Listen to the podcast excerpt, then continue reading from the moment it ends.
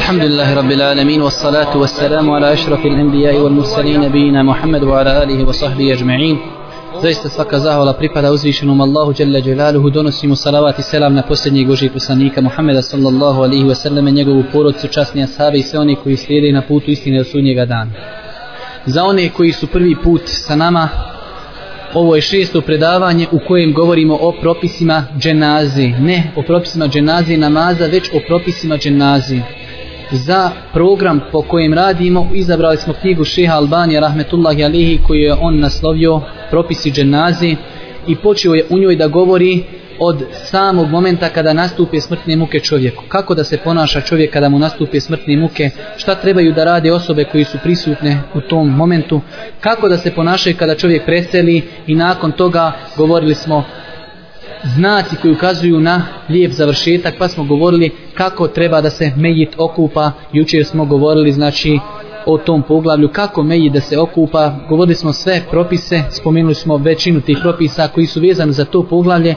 Danas ćemo za Allahu subhanahu wa ta'ala pomoć nastaviti tim nekim hronološkim redom, a to je nakon što se mejit okupa šta dolazi? Treba ga zamotati u čefine i treba ga odnijeti do mezarluka. O tome ćemo danas govoriti i tu ćemo stati do sljedeće hefte gdje ćemo sljedeće hefte početi govoriti o klanjanju namaza. Znači danas govorimo o umotavanju mejita u četine. Neko se i zapita pa šta o tome ima govoriti, ima mnogo da se govori. Pa prva stvar, 33. tačka, znači šehr Rahmetullah Jalih je napisao knjigu po ovaj rednim brojevima tačkama i mi ovaj idemo redom po tim tačkama, nekada pridodamo nešto ono što šejh Rahmetullah alihi nije smatrao bitnim, mi to nekada pridodamo. 33. tačka kaže šejh, nakon što se okupa medjit, obaveza je da se zamota u četine. Obaveza. Zato kada pogledamo u knjige prava, to ne spominje še, ali kada pogledamo u knjige fikha i prava, vidjet ćemo da islamski učenjaci kažu konsenzus i jednoglasan stav islamskih učenjaka je da se medjit mora zamotati u čefine. Znači, to je pardon, kifaje. I to je obaveza jednoj skupini muslimana da urade. Ako oni urade ostali nisu znači griješni će biti pitani ali ako iko ako niko ne uradi svi će biti griješni. Normalno dokaz za to je hadis koji smo mi citirali više puta onoga sahaba koji je pao sa jahalice a bio je na arefatu pa je Boži poslanik kazao kefinuhu fi seubejih zamotajte ga u njegove ihrane. O tome ćemo malo poslije govoriti, ali nam je bitno ovdje da vidimo da je Božji poslanik izrekao ovaj hadis u naredbenoj formi i to je argument na osnovu kojeg su islamski učenjaci zauzeli jednoglasan stav. Kroz historiju islama nikada niko nije kazao da je sunnet zamotati mejita. Obaveza farz je zamotati mejita na osnovu ovog hadisa. 34. tačka jeste kaže šejh rahmetullahi alejhi vrijednost čefina se uzima iz zaostavštine medjita pa makar ne posjedovao ništa osim to.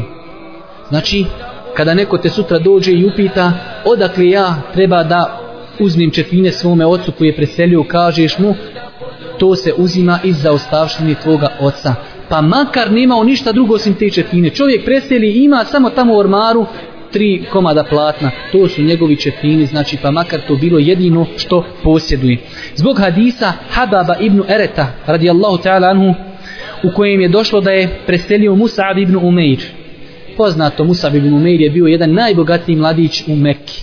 Pa je primio islam, pa ga Boži poslanik poslao u Medinu da bude ambasador islama, pa je tako oskudno živio da nije imao ništa osim ogrtača. I preselio u tom ogrtaču na Uhudu, pa kaže ovaj ashab Musab ibn Umeir je preselio na Uhudu i nije ostavio ništa osim ogrtač.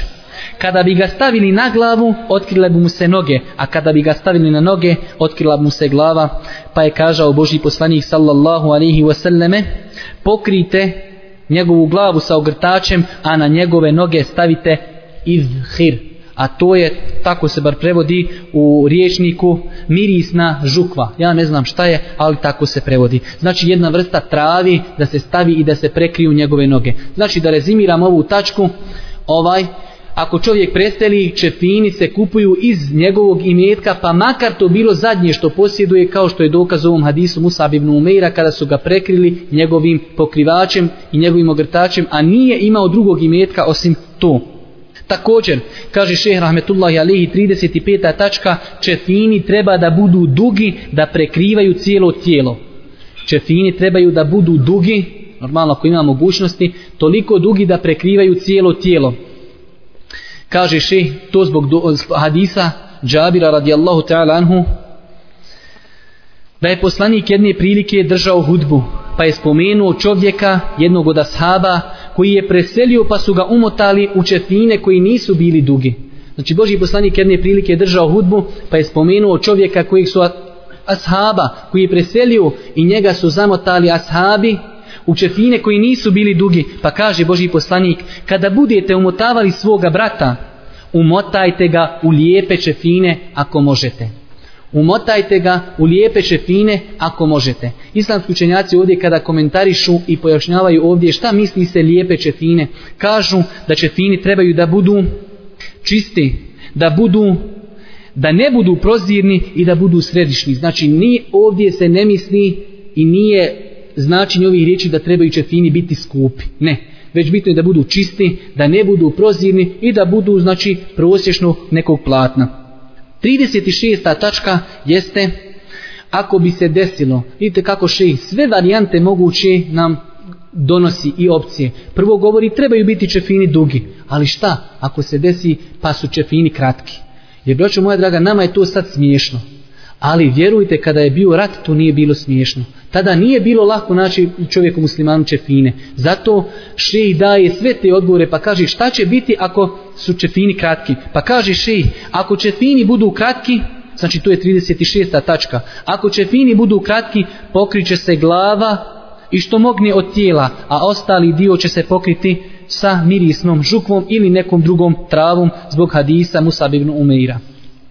Također, Slična stvar, 37 vezana za ovu i još nešto više, kaže šejh, ako bi bila nestašica za čefine, a Allah dadne da ima mnogo preseljali, znači ljudi koji su umrli, kao što se dešavalo u ratu, kaže, dozvoljeno je grupu ljudi zamotati u jedan čefin. Zato šejh kaže propis, ako znači ima nedostatak čefina, a ima mnogo umrli, dozvoljeno je zamotati više muslimana u jedan čefin ispustiti sve u jedan kabor.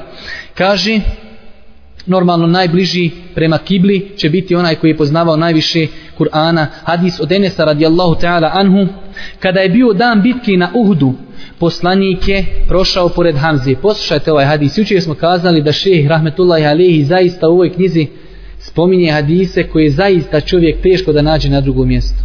Jučer smo citirali hadis koristi radi, većinom mi znamo da je Hanzala radijallahu ta'ala preselio u džunup i da su ga okupali meleki, a šehr rahmetullahi alihi navodi vjerodostojne hadise da je i Hamza ibn Abdul Muttalib preselio kao džunup i da su i njega meleki okupali. Također ovaj hadis koji govori malo o Hamzi, kaže Kada je bio dan bitke na Uhudu, poslanik je prošao pored Hamzi, a bio je izmasakriran. Znači, inače, ovaj, mušrici su izmasakrirali muslimane koji su poginuli na Uhudu. Pa kaže Boži poslanik da nema Safijine žalosti. Safija je bila sestra Hamzina.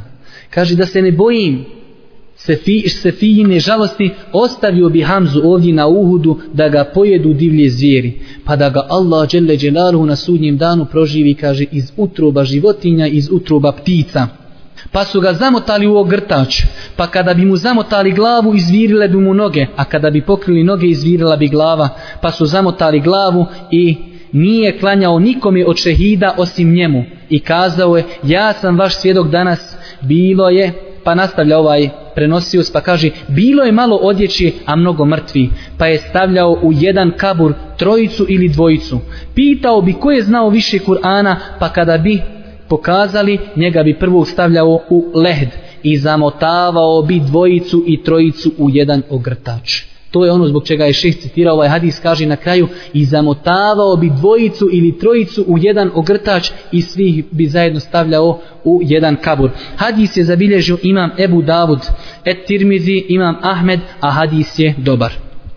Također kaže šehr Rahmetullahi Alehi 38. tačka, nije dozvoljeno skidati odjeću sa šehida nije dozvoljeno skidati odjeću sa šehida, već se oni ukopaju u svojoj odjeći u kojoj su preselili zbog hadisa Božijeg poslanika gdje kaže o, hadisim, o, o šehidima Uhuda zemmi luhum fi sijabihim umotajte i kaže u njihovu odjeću i tako ih zakopajte. Hadis ovaj gdje kaže Božji poslanik zemmi luhum fi sijabihim umotajte u njihovu odjeću i zabilježi imam Ahmed. Također, kada su u pitanju šehidi, znači ne smije se skidati njihova odjeća, ali je pohvalno da se šehid ukopa, da se šehid umota po svojoj odjeći čefinom. Da se znači zamota u čefin, ali da se ne skida sa njeg odjeća, niti da se kupa. Pa kaže šehih rahmetullahi alihi 39. tačka, pohvalno je da se šehidi umotaju u platno po njihovoj odjeći kao što je spomenuto u hadisi Hamzi i Mus'aba. U oba ova hadisa smo vidjeli, kaže, pa su zamotani u svoje ogrtače i tako su preselili. Ovdje še spominje još dva hadisa, meni je bilo teško da ih prevodim, pa ću ja pročitati iz knjige. U ovom prvom hadisu, kojeg je zabilježio imam Nesai, Tahavi, El Hakim i Bejheqi, sa vjerodostojnim lancem prenosilaca stoji, došao je čovjek Arab. I došao je Božijim poslaniku sallallahu alaihi wasallame pa je povjerovao u njega i slijedio Božijeg poslanika pa kaže učinio je hijđu zajedno sa njim pa je Boži poslanik naredio nekolicini ashaba da pazi na tog čovjeka. Pa kada je bila bitka na Hajberu Boži poslanike zaplijenili su nešto od ganini pa je između ostali i njemu nešto odredio a on je bio na odstupnici. Pa su ljudi odnijeli taj njegov dio njemu kažu evo Boži poslanik je poslao tebi. Ono što je sledovalo i ostali pa je on uzeo taj imetak pa je došao Božim poslaniku pa kaže Šta je ovo o Boži poslanić? Kaže pa to je ono što te slijeduje. Kaže on o Boži poslaniće ja te nisam zbog toga slijedio. Ja sam te slijedio da me pogodi koplje ovdje i da odem Allahu Đelešanu u džennet. Ja sam te kaže slijedio da me pogodi koplje ovdje pokazao svojim prstom u ovaj grlo i kaže da zaradim tako u džennet. Pa nastavlja ovaj prenosioc, kaže, pa je prošlo malo vremena pa smo počeli opet u borbu. Kaže, pa je donešen Božijem poslaniku sallallahu alaihi wasallame, a strela ga pogodila u ono mjesto koje je pokazao svojom rukom. A prije toga Božiji poslanik mu kazao, kaže, in sadakte, ako budeš iskren, Allah će potvrditi tvoju iskrenost. Pa kada su ga donijeli, kaže Boži poslanik, je li to on? Kaže, oni jest. Kaže, bio je iskren prema Allahu Đelešanu, kaže, pa je Allah potvrdio njegovu iskrenost pa ovdje zbog ovoga je šeh citirao ovaj hadis pa je ga zamotao Božiji poslanik u svoje džube. U svoju odjeću Božiji poslanik ga zakopao, zamotao. Iako je imao svoju odjeću kao šehid ali je zamotan u poslanikovo džube. Kaže zatim je Božiji poslanik proučio dovu između ostalih stvari koje je proučio bilo je o gospodaru ovo je tvoj rob. Izašao je muhađir znači učinio je hijđu radi tebe kaže poginuo je kao šehid. Ja svjedočim kaže da je on šehid. Drugi hadis koji govori isto na ovu temu jeste hadis od Ez-Zubeira ibn Awama radijallahu ta'ala anhu hadis je zabilježio imam Ahmed sa dobrim lancem prenosilaca. Kaže kada je bio Uhud muslimani su vidjeli jednu ženu kako trči. Trči prema muslimanima. Kaže pa malo je falilo da dođe do onih muslimana koji su ubijeni pa je Boži poslanik kazao, znači nije volio da vidi taj prizor, muslimani su bili izmasakrirani do te mjere da su im izvađene džigere, znači mnogo izmasakrirani, pa je Boži, Boži poslanik prezirao da to ona vidi, pa je kazao, el mer'a, el mer'a, žena, žena, zaustavite ih. Kaže Zubej radijallahu ta'ala anhu, pa sam ja vidio da je to moja mati, Safija, onu koju smo malo prije spominjali. Kaže, pa sam požurio da je zaustavim, pa sam je stigao prije nego što je došla do mrtvi. Pa kaže, pa kaže Zubair ibn Awama, to je bio poznati muđahid, kaže pa me je gurnula, kaže i rekla je skloni se, a bila je kaže jaka žena, pa je rekla skloni se ispred mene. Pogledajte ovdje fajdi. Kaže, kad sam vidio da je ne mogu zaustaviti, rekao sam, Boži poslanik prezire da ti ideš tamo. Kaže, odmah je stala. Prije riječi Božijeg poslanika skloni se. Zubair ibn Alam, to je poznati muđahid u kojem se može govoriti mnogo i mnogo o njegovoj hrabrosti. Kaže, ona je mene odgurnula i rekla skloni se. Ali kaže, kad sam rekao Božiji poslanik, kaže, je naredio da te zaustavim, ona je, kaže, odmah stala. Pa je kazala, stala je, izvadila je dva komada platna. Pa je kazala, čula sam šta je se desilo sa mojim bratom Hamzom, pa sam donijela, kaže, dva čefina da ga zamotate govori prenosilac Hadisa, pa smo došli u, sa ta dva čefina i htjeli da zamotamo Hamzu u njih. Pa smo vidjeli kaj Hamzi leži čovjek od Ensarija koji je također poginuo i urađeno je njemu isto i Hamzi, znači izmasakriran. Pa smo, kaže, osjetili stid da zamotamo Hamzu u dva čefina, a da njega zamo, da, da ovog Ensariju ne zamotamo, znači nakon u njegovog grtač. Kaže, pa smo pogledali kad čefini, jedan duži, jedan kraći, pogledajte pravdi. Kaže, pa nismo znali kako da odrim, pa smo bacili kocku, pa smo na osnovu kocke odredili koji čefin će kojem, pa smo onda zamotali obodvojicu, kaže, ovaj, i stavili ih tako u kabur. Uglavnom, ovdje je pouka da, da se šehidi mogu zamotati u čefine i nakon, znači, te njihove odjeći. Dobro, idemo dalje. 40. stvar, 40. tačka, kaže šehr Rahmetullahi Alihi, osoba koja preseli u ihramima, ona će se zamotati u ihrame i tu su njegovi čefini. Znači osoba koja preseli u ihramima, pošto ovo sve potpada pod poglavlje čefina, osoba koja umri u ihramima, njegovi ihrami su njemu čefini.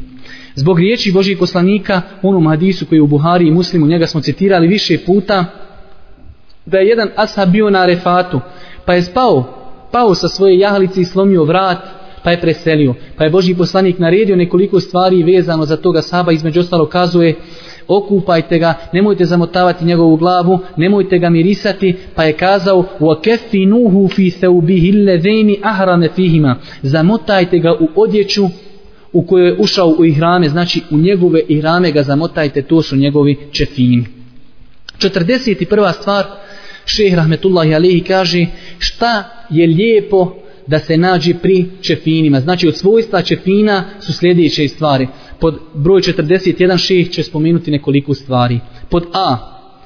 Lijepo je da čefini budu bijeli. Kaže Boži poslanik sallallahu alaihi wasallame ilbisu min thijabikum el bejad fa innaha min khayri thijabikum wa kaffinu fiha. Oblačite bijelu odjeću to je najbolja odjeća i umotavajte mrtve u nju. Riječi Božijeg poslanika hadis znači je zabilježio Ebu Davud, Tirmizi, Ibnu Mađe, Ahmed i hadis je vjerodostojen po uslovima muslima rahmetullahi alihi da je Božiji poslanik kazao oblačite bijelu odjeću, znači dok ste živi, to je najbolja odjeća i, umota, i umotavajte mrtve u bijelu odjeću. Dobro. Također preporučeno je da čefini budu trodjelni, tri dijela. Zbog hadisa Iše radijallahu ta'ala anha gdje kaže Allahov poslanik je umotan u trodjelne, bijele, pamučne čefine koji nisu imali košulju niti kapuljaču umotan je Boži poslanik u njih ima hadise zabilježi imam Bejheqi i imam Ahmed. Znači riječ je Iše radijallahu ta'ala anha Boži poslanik je umotan u trodjelne, pamučne, bijele čefine koji nisu imali ni košulje niti kapuljači, znači obična platna koja nisu uopšte bila šivena. C da jedan od čefina bude u pruge. Da jedan od čefina, tri, kazali smo da je sunneta da bude tri, a jedan od ta tri da bude u pruge. Zbog hadisa Džabira radijallahu ta'ala anhu, ko ima dne mogućnost, neka zamota medjita u jedno platno na pruge. Normalno ovdje se braća pitanje kako da čovjek spoji gore, bož, gore u hadisma stoji da je Boži poslanik preporučio da se zamotaju u bijele, a ovdje u pruge. Pa se spaja između tih hadisa pa se kaže trebaju da budu dva bijela, a jedan da bude u pruge. To je od sunneta, znači lijepa stvar, ako bi svi čefini bili bijeli, nema nikakve smetnje, ali to je ovaj nešto što je preporučeno. Također lijepo je namirisati čefine ili nakaditi ili nadimiti. Znači ako je onaj miris koji se dimi, onda ćemo uzeti čefine i nadimiti. Zbog hadisa Božih poslanika sallallahu alaihi wasallam kada budete mirisali medjita, namirišite ga tri puta. Ovaj propis, kao što kaže šejh rahmetullahi alihi, obuhvata sve osobe, znači lijepo je svakog medjita namirisati osim jednu skupinu, a to je osoba koja umre na hađu ili obavljajući umru u čefinima, ta osoba prilikom kupanja se ne miriše niti nakon kupanja, jer Boži poslanik, znači opšte poznato je da čovjek kod ihrama ne smije da koristi miris i taj propis važi za tu osobu, ovaj jer je Boži poslanik kazao on će biti proživljen na sudnjem danu, onako kako donosi telbiju, rekao je Boži poslanik vola tu tajibuhu, nemojte ga mirisati prilikom kupanja i prilikom za, za zamotavanja u čefine. Također kaže šejh rahmetullahi alihi od zadnjih stvari koje su vezane za čefine jeste nije dozvoljeno pretjerivati u vrijednosti čefina. Znači nije dozvoljeno rasipništvo kada je u pitanju vrijednost čefina.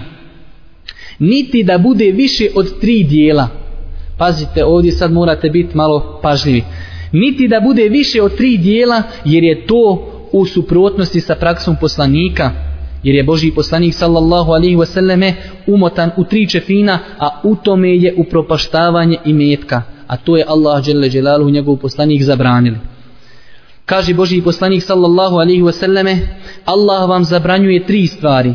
Rekla, kazala, upropašta, upropaštavanje i rasipanje imetka i mnogo pitanja. Hadis se zabilježio Buharija, Muslim, Ahmed od Mugire ibn Šu'be, radijallahu ta'ala anhu. Znači, nema potrebe da se uzimaju medjitu, čefini koji su mnogo skupi, nešto skupo cijeno, već normalno neko obično platno. Čak ima islamski učenjaka koji kažu da nije naređeno da se mejit zamotaju u čepine, to bi se smatralo rasipništvo ima, ovaj, imetka. Ali, pošto je to, kaže, nariženo, onda to treba svesti na neke osnovne, znači, potrebe.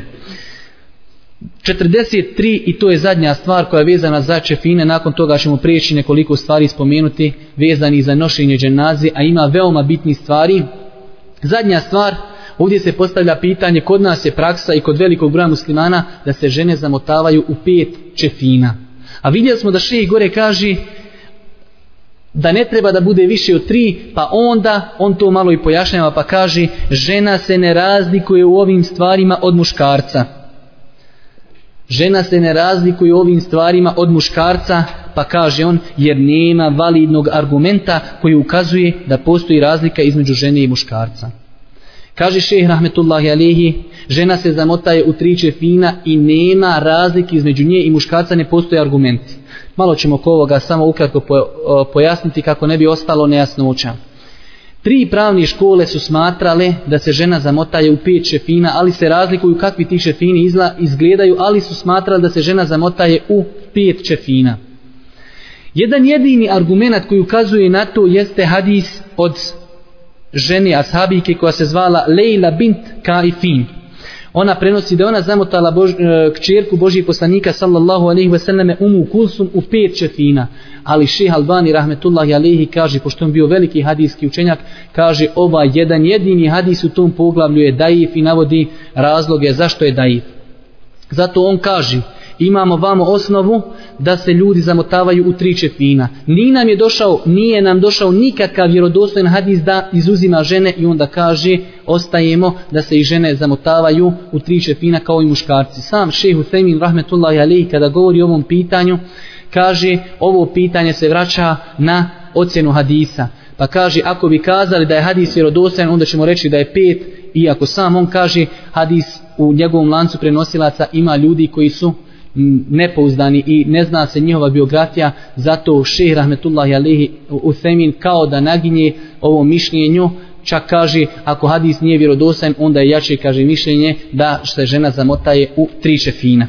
Tako da ovaj malo imate jasnu pristavu o čemu se radi kada je u pitanju ovo. 12. poglavlje jeste nošenje i slijeđenje dženazije. Vjerujte, braćo moja draga, da ove stvari koje spomenu ših u ovom poglavlju, da ćete naći rijetko gdje ove stvari u knjigama prava spomenute. Zato smo kazali na početku ova knjiga koju je šeh Rahmetullah Jalehi napisao, da je jedno veliko blago i zaista bi teško bilo govoriti sada u poglavlju dženazija da čovjek ne koristi tu njegovu knjigu. Evo, ovo poglavlje kompletno ja sam tražio u nekim knjigama fikskim, nisam našao ni riječi o ovim stvarima a on je tu sabro kroz hadise kompletno poglavlje. Pa ćemo mi prijeći da govorimo o tome. 12. poglavlje nošenje i slijeđenje dženazi.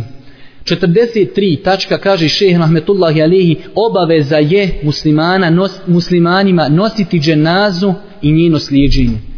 Normalno, on to nije spomenuo ovdje, ali se misli da je to farski faje, znači da jedna skupina muslimana je obavezna da nosi ženazu i ovaj da je slijedi kako bi se ispunilo to da se medjit odnese i da se zakopa. Kaže šehr Rahmetullahi Alihi, to je pravo muslimana koje on ima kod svoje braće muslimana i o tove govori sljedeći hadisi. Pod broj 1 ili pod A, riječi poslanika, musliman ima pet prava kod brata muslimana. Musliman ima prava, pet prava kod brata muslimana, a u drugom rivajetu, jeđibu lil muslimi ala ahihi hamse, pet je obaveza muslimana prema muslimanima. Da mu odgovori na selam, obilazak bolesnika, slijeđenje dženaze, da se odazove njegovom pozivu i da mu nazdravi kada kihne. Hadis se zabilježio Buharija i Muslim, Ibnu Mađe, Ahmed, a u Ahmedovoj predaji stoji da je šest obaveza muslimana prema muslimanu, pa kaže, a šesta je ako zatraži od tebe savjet da ga posavjetuješ. Hadis je od Ebu Hureyri radijallahu ta'ala.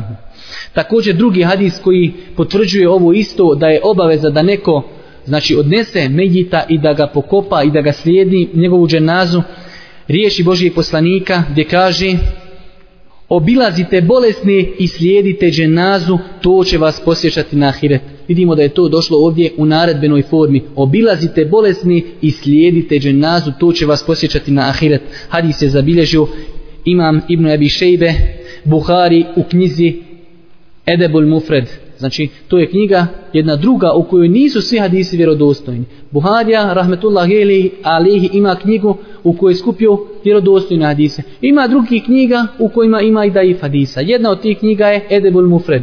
Ali ovaj hadis koji on spomenuo u toj knjizi je vjerodostojan. Od Ebu Sa'ida al-Hudrija hadis je dobar. 44. tačka jeste stvar koju velik broj ljudi ne zna. A to je, kaže šehr rahmetullahi Alehi, slijedženje dženaze se dijeli na dvije vrste. Da čovjek slijedi dženazu dok se klanja i da slijedi dženazu dok se ona zakopa i zatrpa. Znači dok se medjit prvo je da čovjek slijedi dženazu dok se obavi namaz i drugo je da slijedi dženazu dok se klanja, dok se zatrpa medjit znači u kaburu. Kaže šeh rahmetullahi alihi na to ukazuju hadisi pa ćemo spomenuti neke od njih. Od Ebu Sa'ida el-Hudrija, Boži poslanik sallallahu alaihi wasallame, ovo je malo duži hadis, strpite se inša Allah, koristi radi. Kaže Ebu Sa'ida el-Hudri, Boži poslanik kada je došao u Medinu i nekome bi nastupile smrtne muke, mi bi ga obavijestili, pa bi došao i tražio oprost za njega, dok ne bi preselio, pa bi se zadržao sve dok ga ne bi ukopao. Znači on govori kako je bilo stanje u Medini kada je tek došao poslanik, pa kaže dok bi nekom nastupile smrtne muke, mi bi zvali poslanika pa bi on dolazio tu, boravio dok on preseli, upućivao dovu, pa bi tu boravio dok se okupa Megit, pa dok se ukopa, pa je to zauzimalo, znači mnogo Božih poslanika, pa su asabi to primijetili, pa kaže, pa smo rekli jedni drugima, šta mislite, da ne govorimo poslaniku kada nekom i nastupe smrtne muke, već da ga pozovemo kada neko preseli, da klanja dženazu i da bude na ukopu. Pa onda kaže ovaj prenosilac, Kažeš, Boži poslanik sallallahu alaihi ve selleme došao bi, klanjao bi ženazu, možda bi nakon namaza otišao, a možda bi ostao dok se ne zakopa medjit. Vidimo da ovdje u ovom hadisu da je prenešeno od Božijeg poslanika da je radio obje ove stvari. Nekada bi klanjao i otišao bi odmah. Ostavio bi da ljudi zakopaju me, a nekada bi, kaže, ostajao. Pa je to potrajalo jedno vrijeme i kazali smo kada bi nosili dženazu do njega da klanja dženazu kod njegove kući to bi bilo lakše njemu i to je bila praksa do dan danas. Znači nakon toga su opet asavi smatrali da otežavaju Božim poslaniku pa su kazali mi mu nećemo ni kazati kada neko preseli već Znači čovjeka ćemo okupati, sve ćemo zamotati i odnijećemo znači čovjeka kod njegove kući pa da mu on tu klanja dženazu sve kako bi olakšali Božim poslaniku. Hadis je zabilježio imam Ibn Hiban, Hakim, Bejheqi, Ahmed sa vjerodostojnim lancem prenosilaca. Nastavlja ših Rahmetullahi Alihi pa kaže nema sumnje da je druga ona varijanta bolja. Znači on kaže, prenesene su obje stvari da je radio Boži poslanik. Nekada bi klanjao ženazu i otišao bi kući, a nekada bi ostajao dok se zakopa medjit. Pa kaže šeh 45. tačka, nema sumnje da je ova druga stvar bolja, to jest da čovjek bude na mezaru sve dok se zakopa medjit.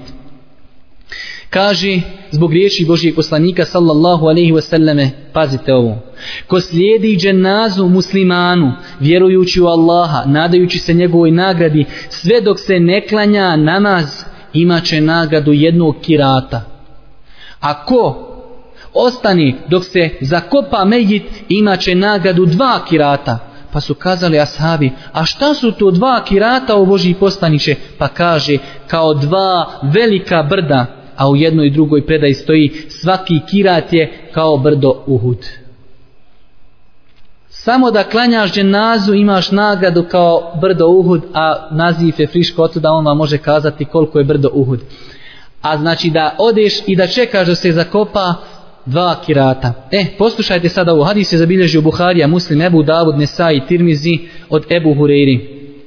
Poslušajte sada jedan događaj, kaže šeh Rahmetullahi Alehi, u nekim rivajetima ovog hadisa došle su neki koristi kaj pa je lijepo da ih spominimo. Abdullah ibn Omer, ko je bio Abdullah ibn Omer? To je poznato, ashab koji je mnogo se trudio da slijedi Božih poslanika u svemu. To je ashab koji se trudio da mnogo slijedi Božih poslanika. I ostali ashabi se trudili, a on je bio poznat po tome. Pa kaže Abdullah ibn Omer, kada bi išao na dženazu, klanjao bi i odlazio bi kući. On bi samo klanjao i otišao bi kući. Pa je čuo hadise Hureyri, ovaj za dva kirata. Pa je rekao Abdullah ibn Omer, mnogo je to, kao mnogo on te neke, on ima pred, znači kao mnogo nama je Buhuriri ti neki hadisa prenosi. Kaže pa je poslao Hababa radijallahu ta'ala anhu komi Aiši. Kaže poslao ga Aiši radijallahu ta'ala anha da upita za taj hadis. Pa da mu se vrati i da ga obavijesti o tome, a on je sjedio, kaže, u džami uzeo je šaku pjeska i prebacivao je iz ruke u ruku čekajući Hababa. Pa je došao Habab pa kaže, rekla je Aisha, istinu je rekao Ebu Hureyre. Pa je, kaže, Abdullah ibn Omer uzeo šaku pjeska i udari od zemlju i kaže koliko smo mi kirata propustili. Koliko smo, kaže, mi kirata propustili. Pa nastavlja se, pa Ebu Hurire radijallahu ta'ala anhu kada je čuo za ove riječi, kazao je, mene nisu spriječili trgovački ugovori, niti sađenje palmi. A sabi kada su došli iz Mekke, bili smo hađiri siromašni, pa su morali ići trgovati. Pa kaže Ebu Hureyre, e ja kad Ebu Hureyre primio islam pred kraj života Božijeg poslanika, ali on kaže, mene nije zauzelo to da sklapam trgovačke ugovore, niti da sadim palme. Medina je poznata, ljudi se bave tim, proizvodnjom hurmi. Kaže, mene to nije zauzelo. Ja sam se, kaže, družio sa poslanikom zbog onoga što će me podučiti i zbog onoga što će mi od hrane dati. Pa kaže, Abdullah ibn Omer je kazao, Ebu Hureyre, ti najviše si proveo vremena sa poslanikom i zaista najbolje znaš hadise Božijeg poslanika. Također kaže šeha Albani rahmetullahi alihi, Ebu Hureyre također prenosi još jedan hadis o vrijednosti slijeđenja dženazi. Hadis Ebu Hureyre radijallahu ta'ala anhu, da je Boži poslanik sallallahu alaihi wasallame kazao, ko je od vas osvanuo postač? Pa je rekao Ebu Bekr, ene ja Rasulallah, ja o Boži poslaniće. Pa kaže Boži poslanik, ko je danas ovišao bolesnika? Pa je rekao Ebu Bekr, ene ja Rasulallah, ja o Boži poslaniće. Kaže Boži poslanik, a ko je danas slijedio dženazu? Kaže Ebu Bekr, ene ja Rasulallah, ja o Boži poslaniće. Pa kaže Boži poslanik, ko je danas siromaha nahranio, pa je rekao Ebu Bekr, ja o Božji poslaniće, pa je kazao Božji poslanik, neće se sakupiti ove osobine kod insana u jednom danu, a da ga neće uvesti u džennet, hadis se zabilježio imam muslim, imam Buharija u knjizi Edebul Mufred. Znači vidimo ovdje jedna od ove četiri stvari jeste i slijeđenje dženazije, to zasigurno ukazuje na vrijednost slijeđenja dženazije. 46. stvar, Kaže šeh rahmetullahi alihi, iako će on nakon toga, inša Allah, možda u sljedećem predavanju će doći to pitanje, narijed, da li žene, da li je propisano za žene da posjećuju mezarluke. Ali ovdje on, kako neko ne bi pomislio da ova nagrada o kojoj cijelo vrijeme govorimo, da je ona jednaka i za muškarce i za žene, pa šejih kaže, rahmetullahi alihi, ova vrijednost slijedženja dženaze je eksplicitna i stroga samo za muškarce.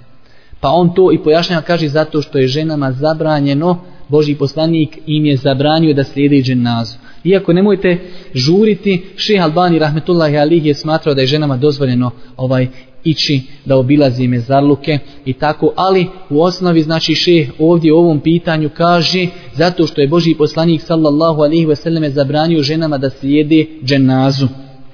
Pa onda šeh pojašnjava kao što juče kada smo govorili u onom propisu da šeheh rahmetullahi alihi kaže da osoba koja kupa medjita lijepo je da se okupa.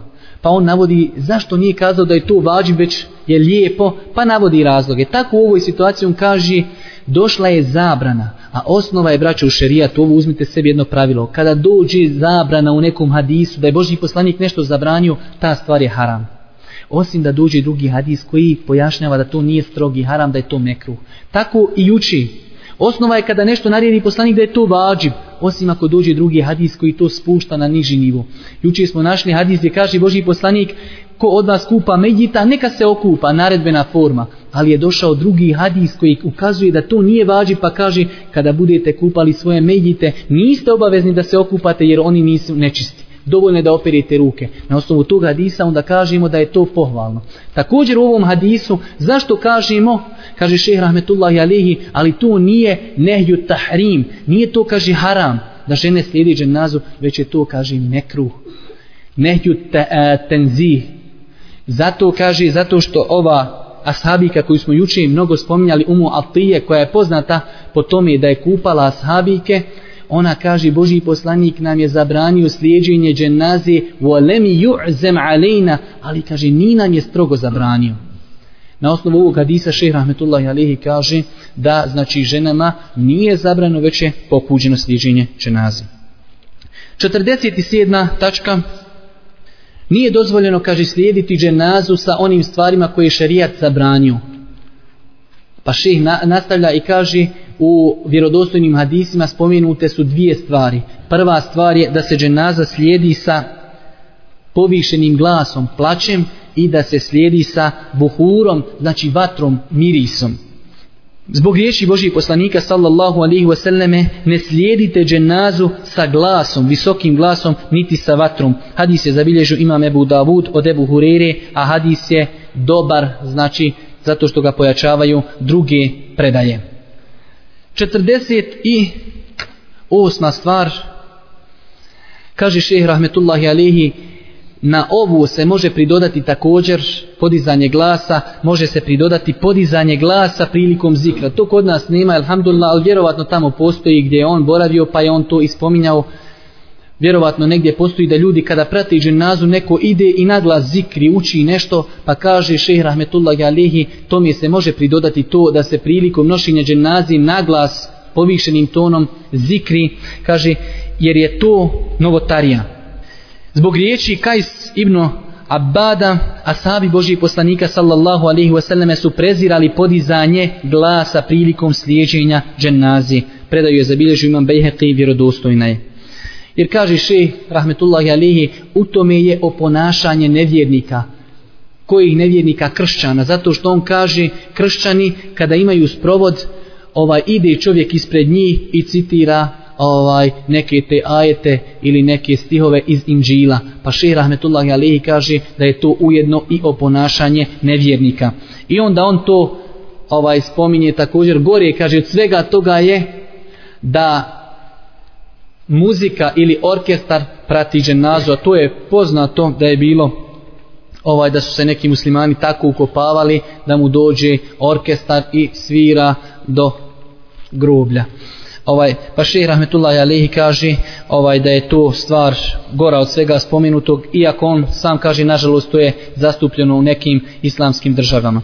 Strpite se inshallah još malo privodimo kraj Kaže Šejh rahmetullahi alejhi obaveza je žurno nošenje dženazi bez trčanja. Znači obaveza je da se žuri kada se nođi, nosi dženaza, ali ne da se trči, već da to ne bude sporo da se požuri.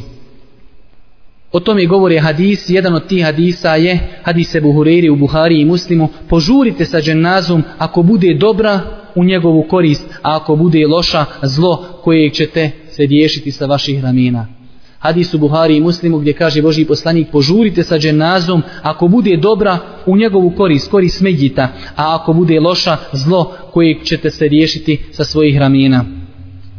Drugi hadis koji govori na istu temu da je Boži poslanik kazao kada se ponese dženaza kada je ponesu muškarci na svojim ramenima ako je dobra ona govori požurite požurite a ako je loša govori teško meni gdje me nosite njen glas čuje sve osim insana, a da čuje pao bi u nesvijest.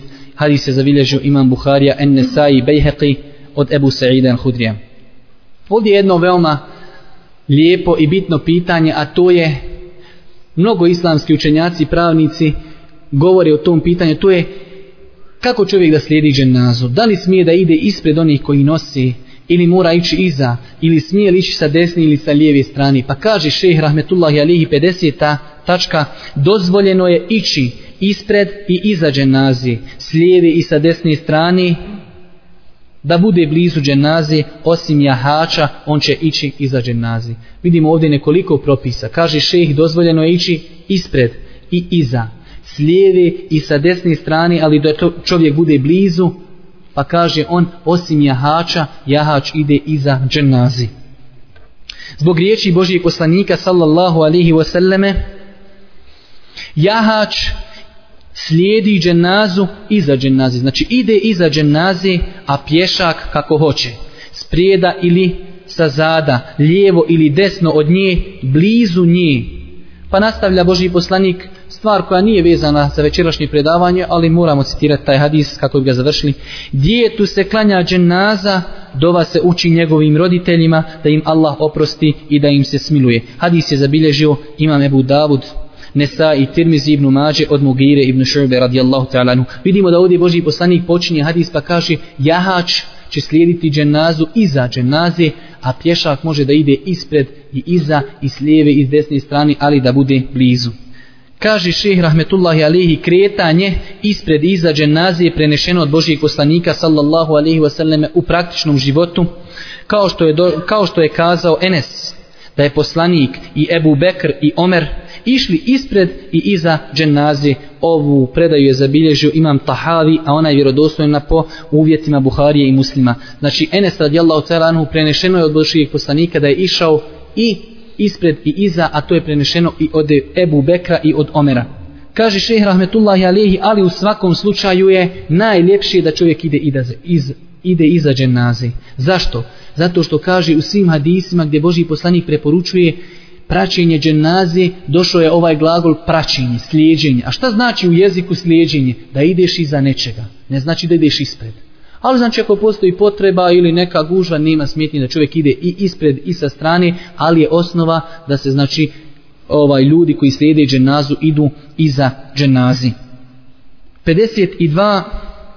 Dozvoljeno je koristiti prijevozno sredstvo jahalicu pod uvjetom da se ide iza dženazi. Znači šehr Rahmetullahi Alehi spominje jednu stvar, a to je da je dozvoljeno čovjeku da slijedi dženazu u autu, znači ili u nekom prijevoznom sredstvu, iako ćemo vidjeti zadnju stvar koju će spomenuti, znači da je malo razlikuje se od ovoga. Ali općenito on kaže da je dozvoljeno koristiti jahalicu, ali da pod uvjetom da se ide iza dženazije zbog spomenutog hadisa. Sam šeh rahmetullahi alihi kaže, ali je bolje ići pješici, jer je to bila praksa Božijeg poslanika sallallahu alaihi wasallame i nije prenešeno da je slijedio dženazu jašući. Znači je Boži poslanik kazao u hadisima jahač ide iza, ali nikada nije prenešeno od Božijeg poslanika da je Božji poslanik jahao na dženazi. Poslušajte sljedeći hadis. Zbog riječi Seubana radijallahu ta'ala anhu dovedena je jahalica poslaniku, a bio je na dženazi. Pa je odbio da jaši. Pa kada su završili, dovedena mu je jahalica, pa je uzjahao. Pa je upitan o tome, znači Na početku mu dovode jahalicu kada su tek počeli nositi nas Božji poslanik odbija. Nakon što su završili, kreću u kući, dovode mu ponovo jahalicu, on je, znači, uzjahao. Pa ga pitao je sabi, čudno im, nisi na početku htjeo, a sada hoćeš. Pa kaže Božji poslanik, sallallahu alihi wasallame, meleci koji su prisustvovali, išli su pješici. Pa nisam htjeo da jašim, a oni idu pješici, pa kada su oni otišli, uzjahao sam znači ispoštovanja prema melekima, kaže dok su oni bili tu i išli slijedili dženazu, išli su oni pješice, mene je bilo stid da ja uzjašim. Ali, ovaj, kada su oni otišli, sada kada idemo kući, oni više ne slijede, kaže dženazu, sada nema smetnji da Boži poslanik znači uzjaha. Hadis ovaj je zabilježio imam Ebu Davud, Hakim Bejheqi, hadis je vjerodostan po uvjetima Buhari i muslima. Također, jedna stvar oko koje ćemo malo samo zastati, da je dozvoljeno znači jahati nakon završetka i to je hadis kako se zove ovaj hadis Seubana radijallahu ta'ala anhu da je Boži poslanik uzjahao jahalicu nakon što je završio ovaj ukop dženazi, ali o tome nam govori još jedan hadis i to je bila 53. tačka gdje kaže ši dozvoljeno je jahati nakon što se završi dženaza. Zbog hadisa Seubana radijallahu ta'ala anhu i hadis da je poslanik klanjao dženazu ashabu koji se zvao Ebu Eddahdah. Pa su doveli konja Božijem poslaniku sallallahu alihi wasallame nakon što je završena dženaza pa je Božiji poslanik uzjahao konj je kaskao, a ashabi su išli iza poslanika, pa je kazao jedan čovjek, kazao je poslanik sallallahu alihi wasallame, koliko je samo grozdova hurmi u džennetu pripremljeno za Ebu Eddahdaha. Znači vidimo ovdje Božim poslaniku, nakon što su klanjali dženazu, doveli su konja, pa je Boži poslanik uzjahao.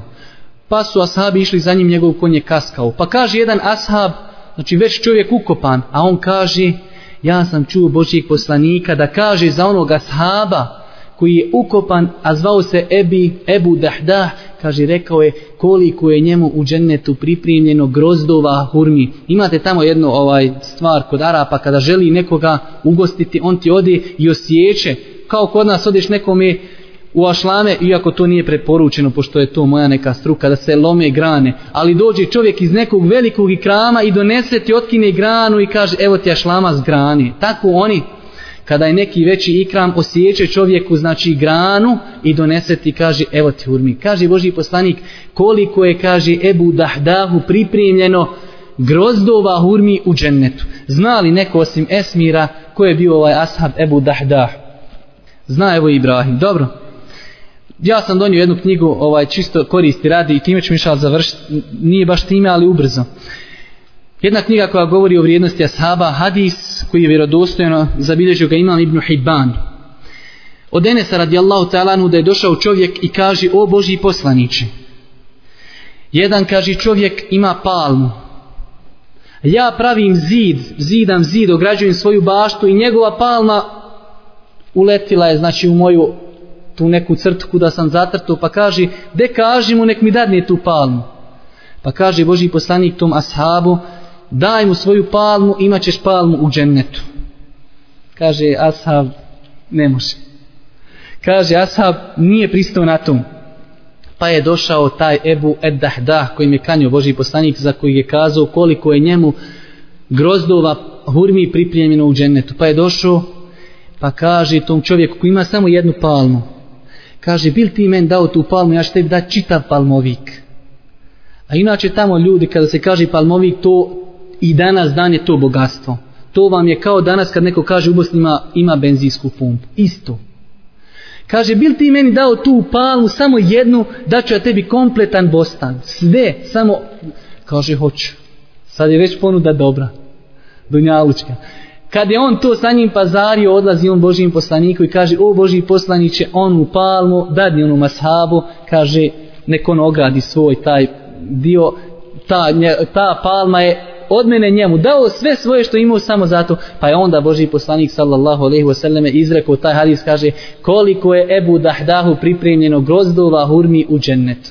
To je taj povod hadisa, ovaj, nisam mogao da vam ga ne citiram jer zaista je poučan. Imaćemo inšala mi predavanje iz ove knjige, zaista ima hadisa o ashabima da čovjeku mozak stanje.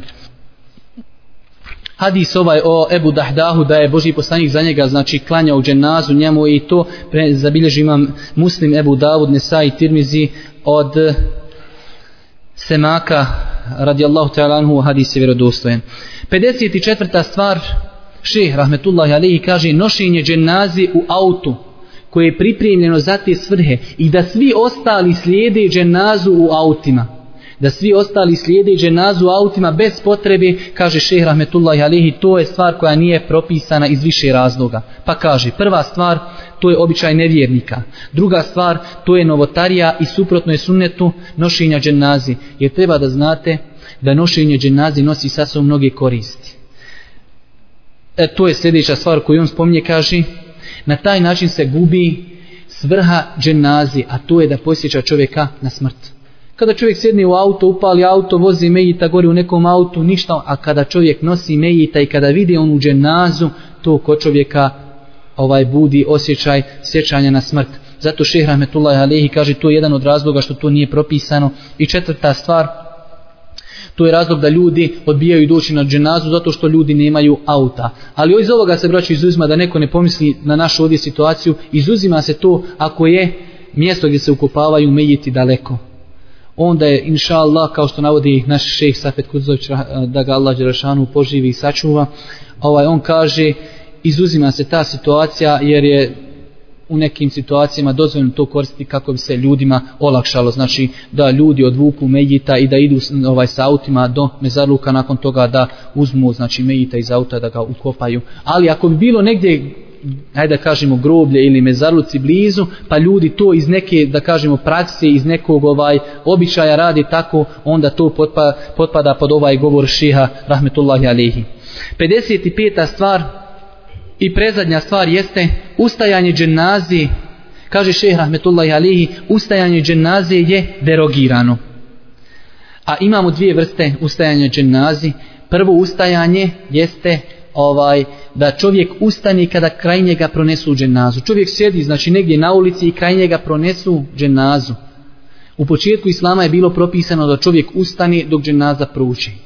I druga stvar, jeste da su ljudi, kada bi done, ljudi donijeli dženazu na mezarluke, imali su običaj da ne sjedaju, da stoje dok se dženaza spusti na zemlju. Kada se ona spusti i ljudi sjednu. Te dvije stvari su derogirane i šeheh rahmetullahi alihi naveo je zato mnoge hadise, ali ja ću spomenuti samo neke od njih zbog skučenosti s vremenom kako bi završili ako Bog da. Hadis od Ali radijallahu ta'ala anhu poslanike ustaja u dženazi, pa smo i mi tako radili pa je sjeo i mi smo sjeli. U smislu pa je došlo vrijeme kada je se to derogiralo, pa više nismo ustajali dženazi. I druga stvar, drugi hadis, ovaj hadis je kod imama muslima, poslanik je ustajao sve dok se ne bi spustila dženaza i mi smo tako radili, nakon toga je sjedio i naređivao da se sjedni. Znači, ono drugu stvar koju smo spomenuli, da je bilo praksa da ljudi ne sjedaju na zemlju i ne spuštaju se dok se dženaza ne spusti na zemlju. Pa je Boži poslanik nakon toga naređivao da ljudi sjednu, znači da nema nikakve smetnje da se sjedni prije nego što se dženaza spusti na zemlju. I zadnja stvar, kratko, lijepo je da avdesti osoba koja nosi medjita. Juče smo kazali da je lijepo da se čovjek okupa nakon što kupa Medjita, a danas kažemo nastavak hadisa, Boži poslanik je kazao kada, kada neko kupa Medjita, neka sebe nakon toga okupa, a ko nosi Medjita, neka promijeni abdest, ali je to znači lijepo, nije ovaj obaveza. Time bi ako Bog da završili ovo večerašnje predavanje, molimo Allah subhanahu wa ta'ala da ono što smo čuli bude korisno da ovaj bude dokazom za nas a ne protiv nas. Molimo ga subhanahu wa ta'ala da nas poduči propisima vjere i na kraju subhanaka allahumma wa bihamdika ashhadu an la ilaha illa ente astaghfiruka wa atubu ilayk.